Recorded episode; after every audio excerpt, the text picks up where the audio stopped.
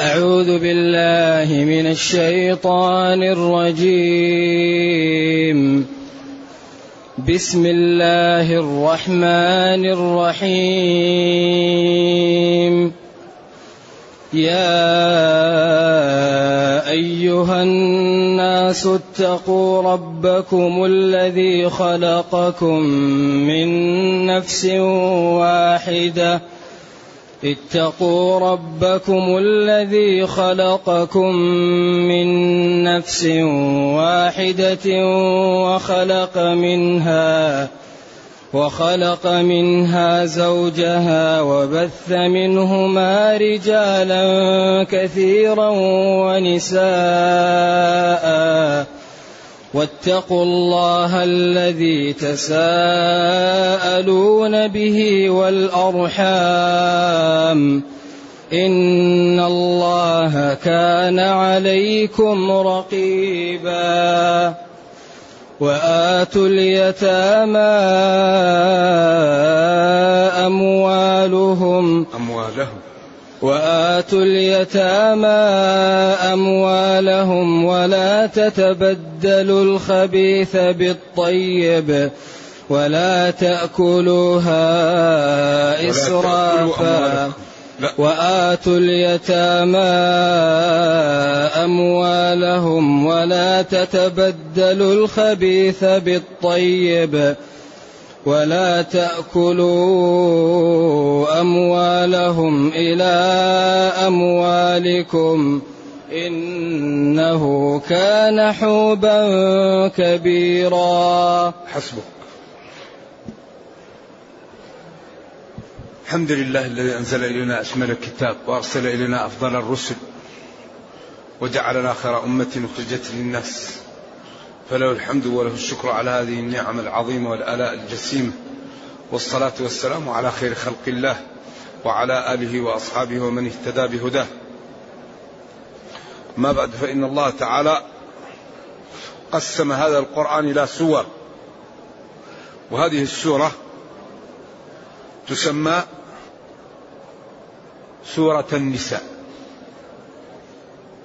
و السور منقسمة إلى ثلاثة أقسام. قسم مدني باتفاق وقسم مكي باتفاق وقسم مختلف فيه. وهذه من السور المتفق على أنها مدنية. نزلت بعد البقرة وبعد آل عمران في السنة السادسة أو السابعة. وليس لها اسم إلا سورة النساء إلا أنهم ورد أنها سورة النساء الكبرى لأن سورة الطلاق تسمى سورة النساء صغرى.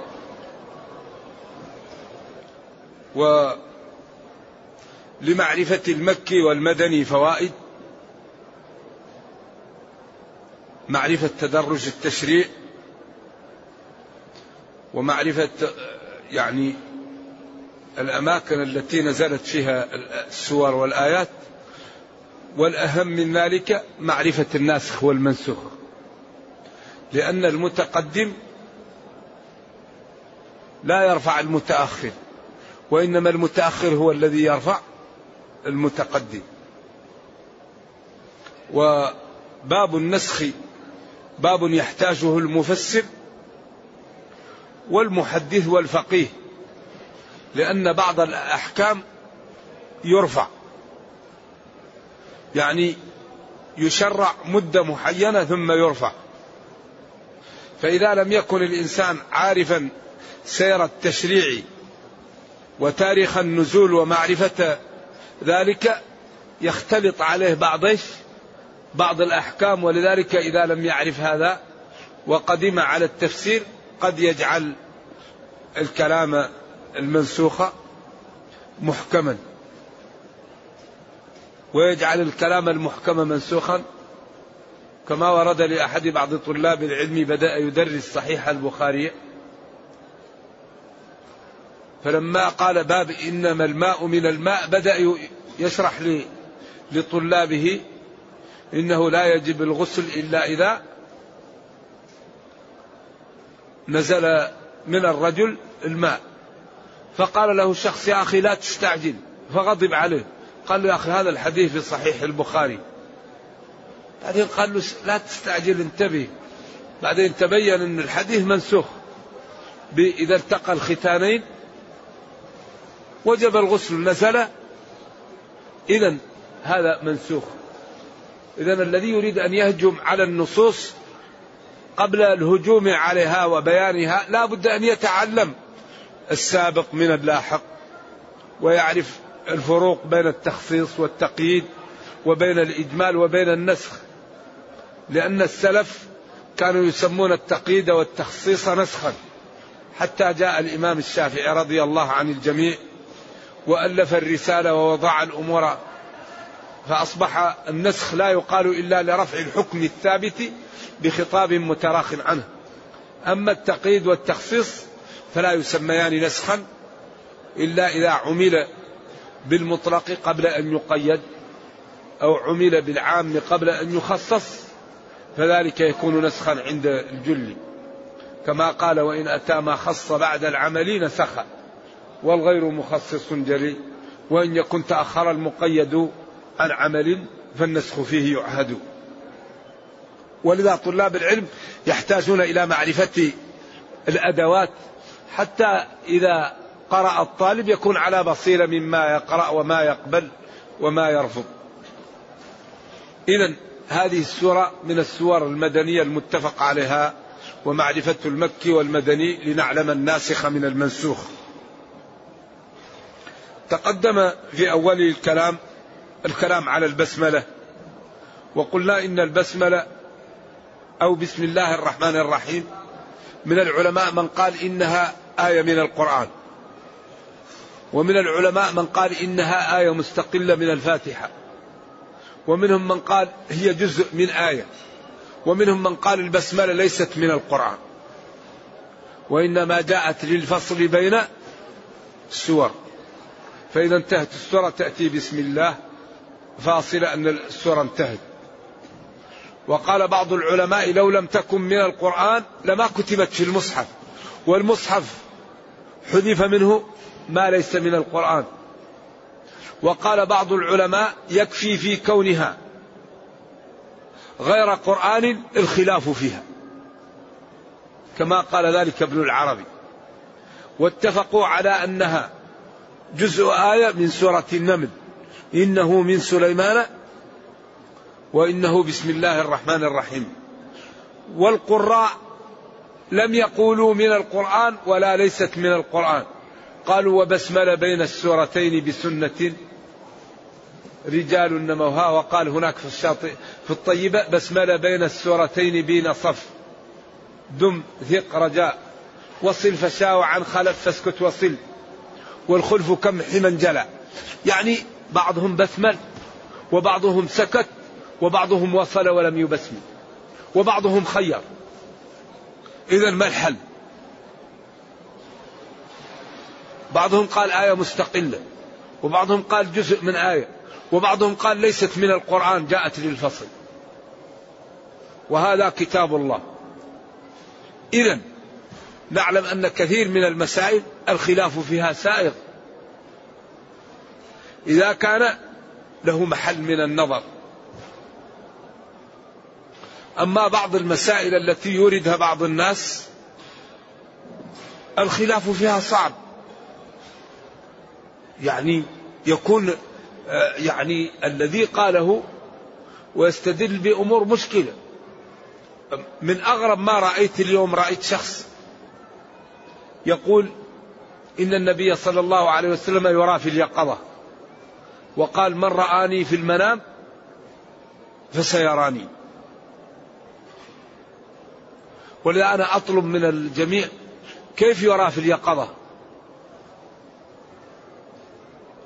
هو انتقل إلى الرفيق الأعلى وبلغ. طيب الذي يراه في اليقظة كيف يراه؟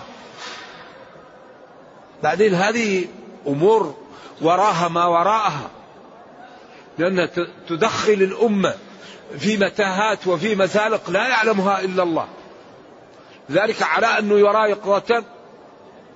بعض الناس قال جاءني الرسول يقضى لا منام وأعطاني دعوة وقال تعدل كذا ختم للقرآن. طيب والله قال اليوم أكملت لكم دينكم. وهذه يعني الصلاة تعدل. يعني كم ختم للقرآن ولم يقلها لأبي بكر ولا لعمر. كيف مع قوله اليوم أكملت لكم دينكم؟ إذا في منعرجات في غاية الخطورة. ومن الغريب أن بعض العلماء الذين لهم بصمات في التأليف وفي جمع العلم ينقل عنهم مثل هذا الكلام. ونحن إذا لم يعني كيف نتصور أن الرسول صلى الله عليه وسلم قبل يوم القيامة يرى يقظة لا مناما أنا أريد من يساعدني. لأن نحن لا نريد إلا إيش؟ إلا الحق. ونحن عبيد الله. ويوميا نقول اتبعوا ما أنزل إليكم. وهو قال من رآني في المنام فسيراني. السين تدل على ما لا؟ على المستقبل. لكن يراه في يوم القيامة والله في الدنيا. كيف يراه في الدنيا؟ بأي طريقة؟ لذا فيه أمور مشكلة. والحقيقة إذا لم نتنبه هذا يدخل الأمة في مزالق عجيبة. إذا إذا كان الرسول يرى يقظة لا مناما إذا يؤخذ منه التشريع إذا يؤخذ منه نسخ الشريعة إذا كيف هذا؟ والنبي صلى الله عليه وسلم قال لا نبي بعدي بلغت الرسالة وأديت الأمانة ونصحت للأمة وانتقل للرفيق الأعلى. إذا إذا رؤي يقظة إذا ينسخ الشريعة هذه إذا كيف يكون ينضبط الأمر؟ إذا هذا تحت مزارق في نظري وخطورة لا يعلمها إلا الله وهي التي سببت للأمة الآن أشياء تعيشها. فلذلك الشريعة ما لها إلا ظاهر. الباطن بين العبد وبين الله. الباطن هو الذي يعامل الرب عليه العبد. أما الشريعة كلها ظاهرة. الصلاة ظاهرة. الطهارة ظاهرة. السفر الذي يقصر ظاهر. الزكاة ظاهرة. الصوم ظاهر. النفاق ظاهر. اللي نافق يعرف إنه نافق. الكذب ظاهر. الغش ظاهر. الفاحشة ظاهرة. التعامل بالربا ظاهر. الحكم بغير ما أنزل الله ظاهر. الاستئذان ظاهر الإتيان بالشهداء على من فعل ظاهر كل الشريعة ظاهرة. أما الباطن ما بين العبد وبين الله هل العبد ما يفعله مخلص فيه يأخذ الدرجة الكاملة؟ هل العبد منافق أو مرائي أو له غرض آخر لا يأخذ الدرجة؟ إذا الباطن والظاهرة عملية بين العبد وبين الله. أما الشريعة كلها فيما يتعامل به الناس هي أمر ظاهر والخضر أخذ عليه موسى العهد بأنه لا ينكر عليه. وهؤلاء يكتبون في الكتب لا يجوز الإنكار على الشيخ ولو بالقلب. الشيخ لا يجوز أن تنكر عليه ولو بقلبك. وهو قال له أخرقتها لتغرق أهلها؟ قال له ألم أقل إنك؟ قالوا لقد جئت شيئا نكرا. قال له ألم أقل لك؟ وبعدين في النهاية قال وما فعلته عن أمري. فالحقيقة فيه منعرجات وفيه قضايا.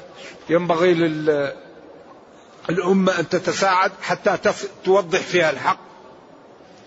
ونرجو الله تعالى أن يبصرنا وإياكم بالخير ويرزق بالعلم والحق ويرزقنا اتباعه. طيب يقول جل وعلا يا أيها الناس إذا إذا أحسن ما يقال في في بسم الله الرحمن الرحيم أنها في بعض القراءات من القرآن وفي بعض القراءات ليست من القرآن فمن قال هي من القرآن نظر إلى تلك القراءة ومن قال هي ليست من القرآن نظر إلى تلك القراءة ومن قرأ بقراءة من يجعلها من القرآن يجهر بالبسملة ومن قرأ بقراءة من لا يجعلها من القرآن أسر بالبسملة والأمر سهل والكل إن شاء الله صحيح ولطالب العلم أن يختار من الأقوال ما يراه راجحا ويعمل به. طبعا إذا كان كل قول له دليل فيعمل به لكن إذا كان هذا الجانب ما له دليل لا بد أن يأتي من لا دليل له مع من له دليل. فإن تنازعتم في شيء نعم. إذا يقول يا أيها الناس يا حرف نداء للبعيد أي وصل للنداء المعرف؟ والناس الخلق. يا جميع الخلق. اتقوا ربكم. أي اجعلوا بينكم وبين عذاب الله وقاية بطاعته.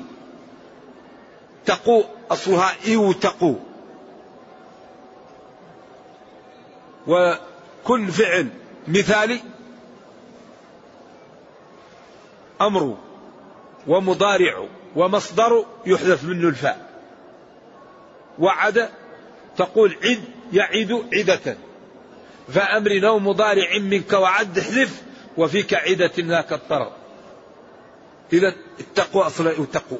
والاتقاء هو التجنب وأن تجعل بينك وبين الشيء وقاية.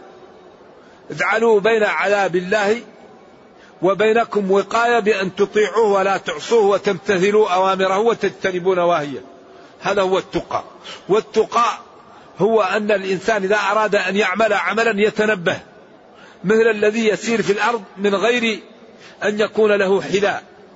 والأرض فيها أشواك وفيها مسامير. فإذا أراد أن يضع قدمه ينظر.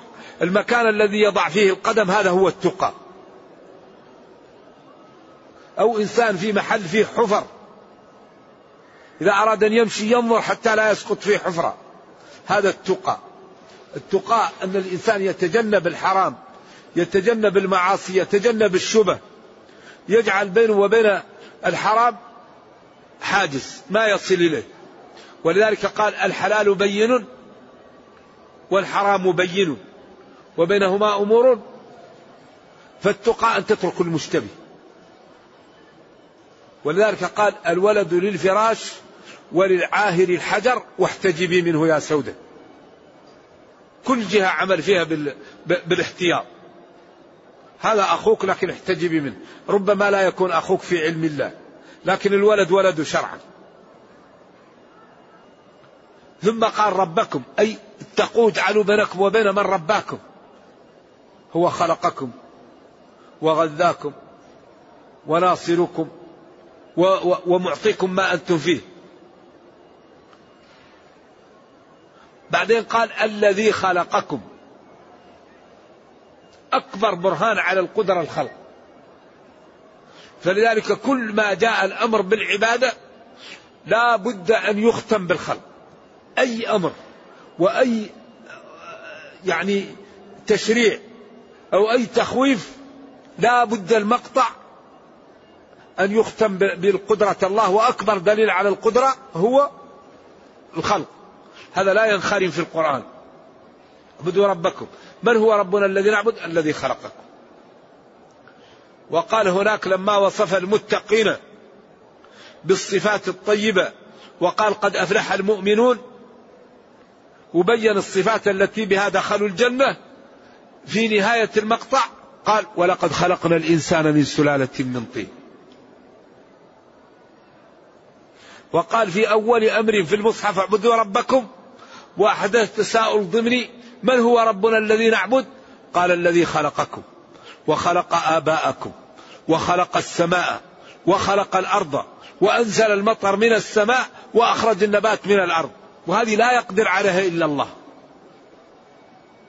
فقال فلا تجعلوا الله أندادا. وهذا معناه لا إله إلا الله مفرقة بأدلتها بينها البراهين التي تدل على قدرة الله وأنه هو وحده الذي يستحق العبادة. إذا ديننا مبني على أسس وقواعد ما هي قابلة إلا للتسليم. فحري بنا أن نفهمه وأن نعمل به. إذا يقول جل وعلا يا أيها الناس اتقوا ربكم اجعلوا بينكم وبين عذاب الله وقاية. الذي خلقكم أوجدكم على غير مثال سابق. خلقكم أيضا من نفس وقال واحدة لأن النفس قد تكون مؤنثة. وهي آدم. آدم جمعه الله من الأرض. ثم هذه الأرض بللت. ثم عجنت. ثم صارت صلصال ثم نفخ فيه. فأصبح آدم أبو البشر مخلوق من الأرض ولذلك كل أنواع الأرض موجودة في بني آدم.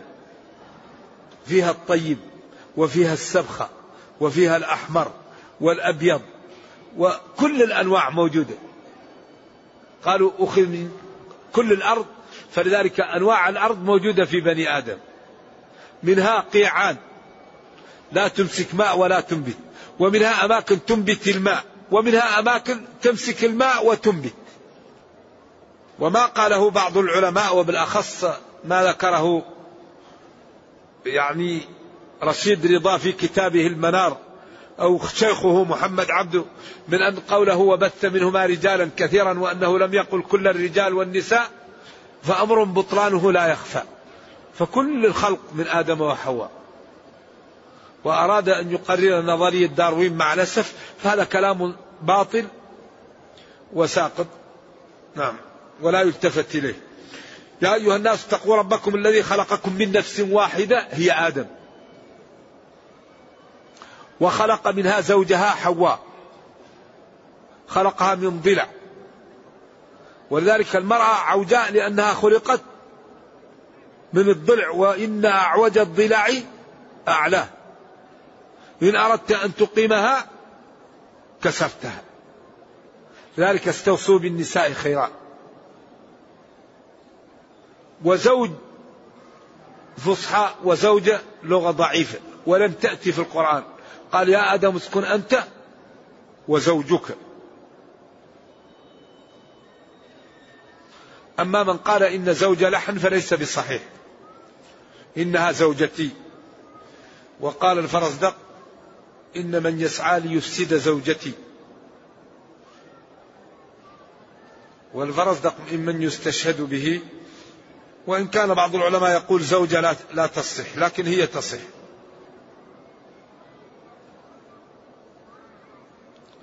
نام آدم وجاءته سنة فأوجد الله حواء من ضلعه. لذلك المرأة خلقت من الرجل فنهمتها في الرجل والرجل خلق من الأرض فنهمته في الأرض.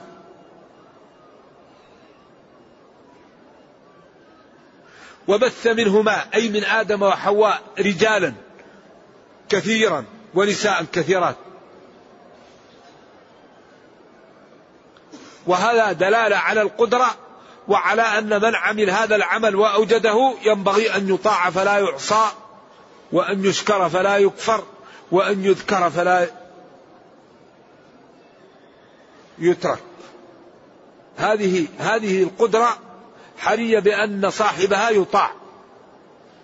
إذا ينادي الله تعالى الناس ثم يأمرهم بالتقاء ويبين أنه خلقهم من نفس واحدة وأن هذه النفس خلق منها زوجها. أن الله تعالى خلق منها زوجها وهو حواء. وأنه أوجد من بينهما رجالا كثيرا ونساء. أما ما قاله من قال إن رجالا كثيرا ولم يقل كل الرجال والنساء فذلك باطل وأن بعض الناس خلقوا من التطور والارتقاء. هذا لا يصلح وخطأ. ثم قال واتقوا الله الذي تساءلون به والأرحام. تساءلون تساءلون. الكوفيون تساءلون وغيرهم تساءلون به. وجمهور القراء والأرحام وحمزة والأرحام تساءلون به والأرحام وتساءلون بالأرحام. وهنا وقف مع النحويين واللغويين. لا بد أن يعرف المسلم أن ما يقوله بعض النحاة وبعض اللغويين من تخطيء القراءات المتواترة أن ذلك خطأ من قائله. وذلك للأمور التالية. أن القرآن حاكم على اللغة. لأن الله تعالى قال بلسان عربي مبين. فما ثبتت قرآنيته تجاوز القنطرة. الأمر الثاني أن استقراء اللغويين لبعض الأساليب في اللغة ناقص. فكم من مسألة نفاها سيبويه وهي موجودة عند غيره ووقف عليها. وكم من مسألة نفاها الأخفش ونفاها آه، بن خروف أو الفراء. أو الكسائي إذا النقطة الأولى أن القراءات حاكمة على اللغة لأن الله قال بلسان عربي والله يقول ومن أصدق من الله حديثا. الأمر الثاني أن كثير من استقراءات اللغويين والنحاة ناقصة. فيقف على شيء وغيره يقف على الآخر. الأمر الثالث أن الواقع ومن تتبع اللغة العربية لا توجد قراءة حتى ولو شاذة إلا وهي مستفيضة في اللغة العربية. فالواقع يثبت أن كل القراءات متواترها متواترها وشاذها أنها لغة فصحى عربية. يعلم ذلك من تتبع القراءات المتواترة وهي القراءات العشر أو تعداهم إلى الأربعة أو تعداهم إلى ما ذكر أبي حيان في البحر أو ذكر ابن الجن في المحتسب أو غير ذلك من الكتب التي اعتنت بذكر الشاذ أو توجيه القراءات الشاذة العكبري صاحب ما من به القرآن. له كتاب في القراءات الشاذة توجيه. وقد قام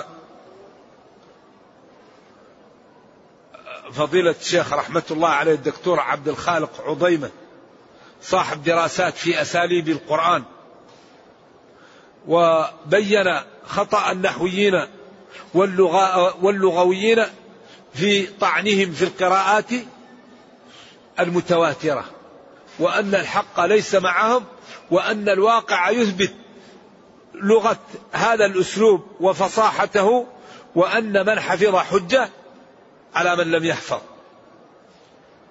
ومن أراد الاستزادة فليقرأ في مقدمة دراسات في أساليب القرآن وهو كتاب جيد وجمع ولكنه ينقصه التنظيم لكن المعلومات موجودة فيه وقد أفاد من جمعه من الكتب المتقدمة وبذل فيه جهدا.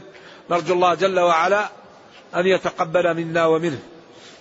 أما ما درج عليه بعض العلماء ومن جملتهم إمام المفسرين ابن جرير الطبري في عدم قبول بعض القراءات المتواترة فذلك لا يقبل منهم. لأن ابن جرير كان قبل ابن مجاهد بعشرين سنة وابن مجاهد هو أول من سبع السبعة ومات بعد الطبري بعشرين سنة فربما كان الطبري لم تصله هذه القراءة متواترة وربما كان عنده اصطلاح. أما القراءات العشرة فهي متجاوزة للقنطرة. أعني قراءة نافع. وابن كثير وأبو عمرو وابن عامر وعاصم وحمزة والكسائي ثم أبو جعفر ويعقوب وخلف العاشر. هذه العشرة تجاوزت القنطرة. يقرأ بها القرآن ويصلى بها. أما ما زاد على العشرة فهو شاذ. والذين أجروا الخلاف في الثلاثة ساقط. مثل الثلاثة ورجح النظر تواترا لها. إذا هذه القراءات تجاوزت القنطرة وما زاد عليها فهو شاذ لا يصلى به. وإنما يستعان به على فهم القرآن وعلى ترجيح معنى في في الآية على معنى آخر وعلى توضيح إعراب. أما أنه يصلى به فلا هذا الذي زاد على العشرة. ولذلك هذه القراءات محفوظة لأن الله تعالى قال إنا نحن نزلنا الذكر وإنا له لحافظون. أما ما يقوله بعض العلماء من أن ست حروف أخذها عثمان وحرقها ولم يبقى إلا حرف واحد فهذا أقل ما يقال فيه إنه مرجوح. وإن كان اختيار كبير المفسرين. وإنما الذي خرق عثمان أو حرقه أو ألابه في الزيت هو ما كان من القراءات الشاذة أو ما كان من القراءات التي نسخ ولم يكن في العرضة الأخيرة. أما العرضة الأخيرة لما جاء حذيفة بن اليماني من أذربيجان وقال أدرك الأمة فإنها اختلفت وكل واحد يقرأ بقراءة فلان فجمع الإمام الذي عليه العرضة الأخيرة المصحف ونسخ منه خمس نسخ ونسخة أرسلها إلى العراق. ونسخة أرسلها إلى الشام ونسخة أرسلها إلى مكة ونسخة أرسلها إلى البصرة الكوفة ثم أبقى لنفسه في المدينة نسخة.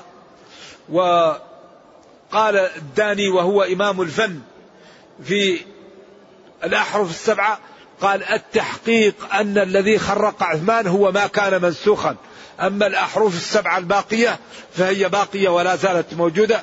ومما يدل على ذلك ما ورد عن عمر أنه سمع حزام بن حكيم يقرأ فتأخر عنه حتى إيش؟ سلم ثم لببه وجاء به للنبي صلى الله عليه وسلم وقال له هذا سمعته يقرأ قراءة غير القراءة التي أقرأتنيها. قال له ارسله قال له اقرأ. قال هكذا أنزلت. ثم قال له اقرأ يا عمر. ثم قال هكذا أنزلت.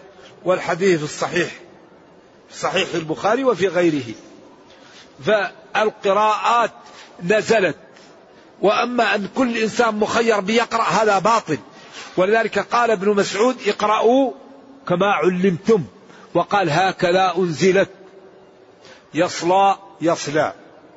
أسارى أسرى. أساري عليهم ولا الضالين. عليهم ولا الضالين. عليهم ولا الضالين. كل هذا نزل به جبريل. ملكي مالك. أما أن الواحد يخير بالقراءة هذا باطل وإنما جبريل ينزل بهذا وهذا ويعلم. ولذلك هذا القرآن معجز ومحفوظ. ولا يمكن واحد يقرأ كلمة إلا متلقيها من شيخه. ولذلك قال العلماء لا تجوز قراءة المصحف وجادة الذي يهجم ويقرأ على المصحف هذا مخالف. القرآن لا يقرأ إلا على شيخ حتى تستقيم الحروف عندك وحتى تعلم مخرج الحرف وصفته وتتدرب على ذلك ثم تأخذ المصحف وتقرأ بمفردك. أما أول وهلة فلا يجوز للمسلم أن يأخذ المصحف ويقرأ لأنه يهجي. لا يجوز. القرآن لا بد فيه من الشيخ. فجبريل علمه رب العزة والجلال. وجبريل علم النبي صلى الله عليه وسلم وعارضه. ومحمد صلى الله عليه وسلم علم أصحابه. والصحابة علموا التابعين. والتابعون علموا أتباعهم حتى وصل إلينا. أما الذي يأتي للمسجد ويبدأ يقرأ ويقول قالوا يقول قالوا و. وإن يكن منكم مئة يقرأها ماء هل هذا يجوز؟ هذه الألف زائدة مئة.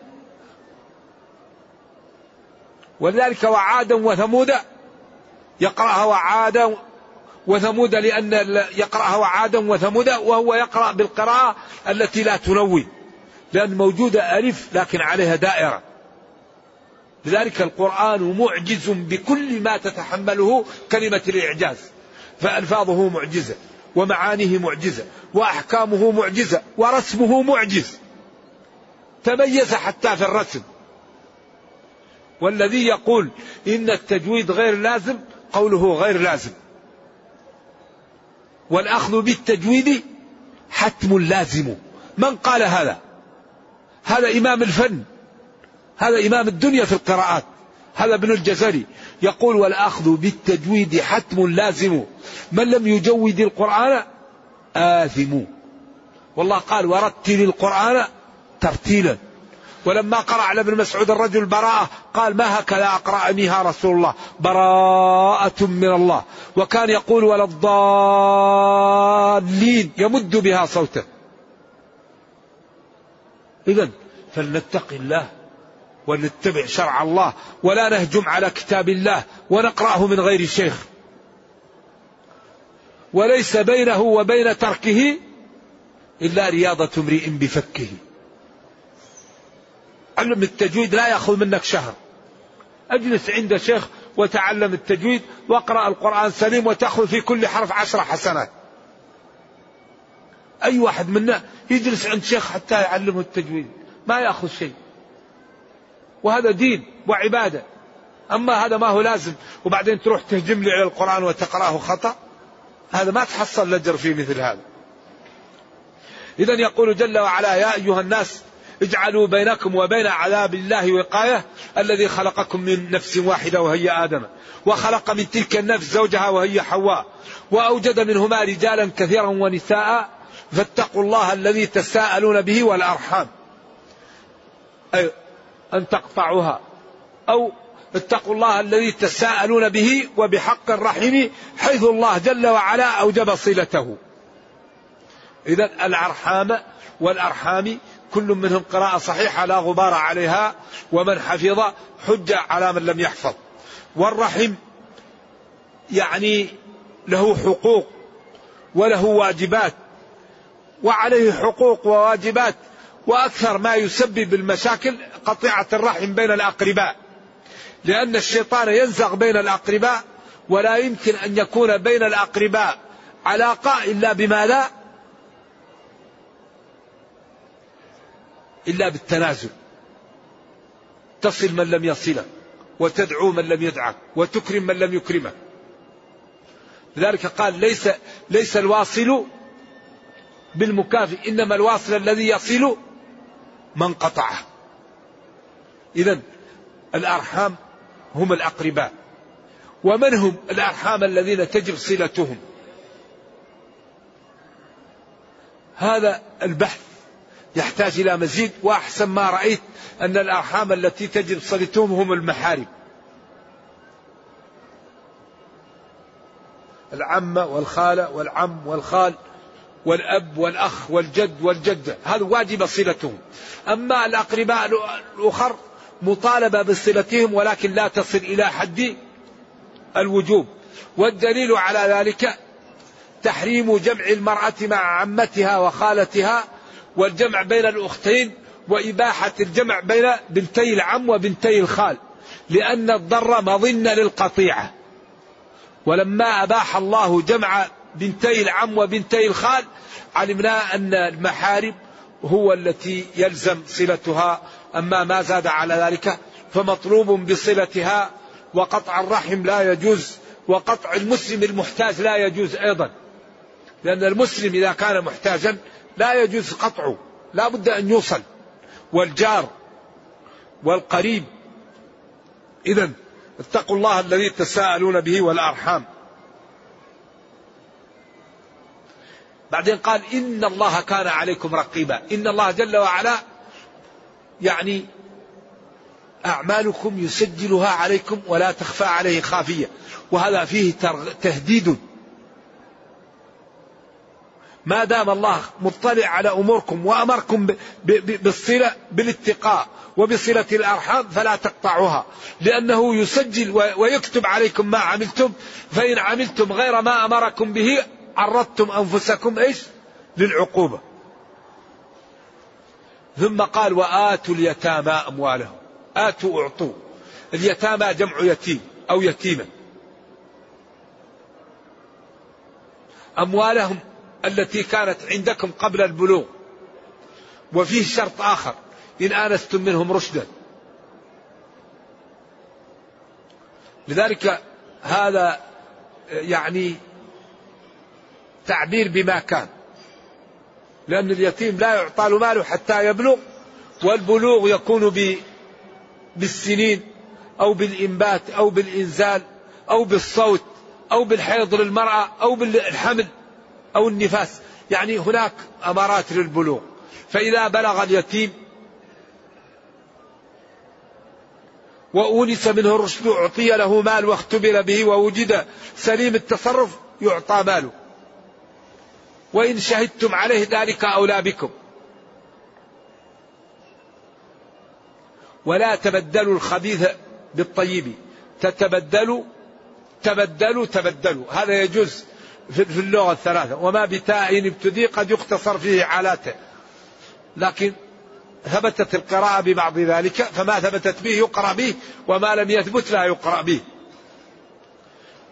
تبدلوا الخبيث للعلماء فيه أقوال. القول الأول لا تتركوا مالكم فتستعملوه وتتركوا مال الحرام فتتبدلوه به. القول الثاني لا تأخذ المال الطيب الذهب الأصلي وتأخذوه من مال اليتيم وتحطوا له زيف. أو لا تأخذ الناقة الجيدة وتبدل له بناقة عجوز أو لا تصلح. أو شاة أو بقرة. إذا لا تأخذوا أموالهم الجيدة وتبدلوها بأموال رديئة. أو لا تتركوا الحلال وتتبدلوه بالحرام وهو أكل أموال الأيتام. ولا تأكلوا أموالهم إلى أموالكم. قيل مع أموالكم. وقيل لا تضموها إلى أموالكم ونسخ ذلك بقوله وإن تخالطوهم فإخوانكم في الدين. والله يعلم المفسد من المصلح وهذا تهديد شديد في أن المسلم إذا كان عنده يتيم وخلط ماله مع ماله فإنه يرعاه ولا ينمي ماله في مال اليتيم. إذا أعطوا اليتامى أموالهم. إن بلغوا وآنستم منهم الرشد ولا تأخذوا أموالهم الحرام عليكم بدل أموالكم الحلال عليكم أو لا تأخذوا أموالهم وتستبدلوها بأموالكم الرديئة.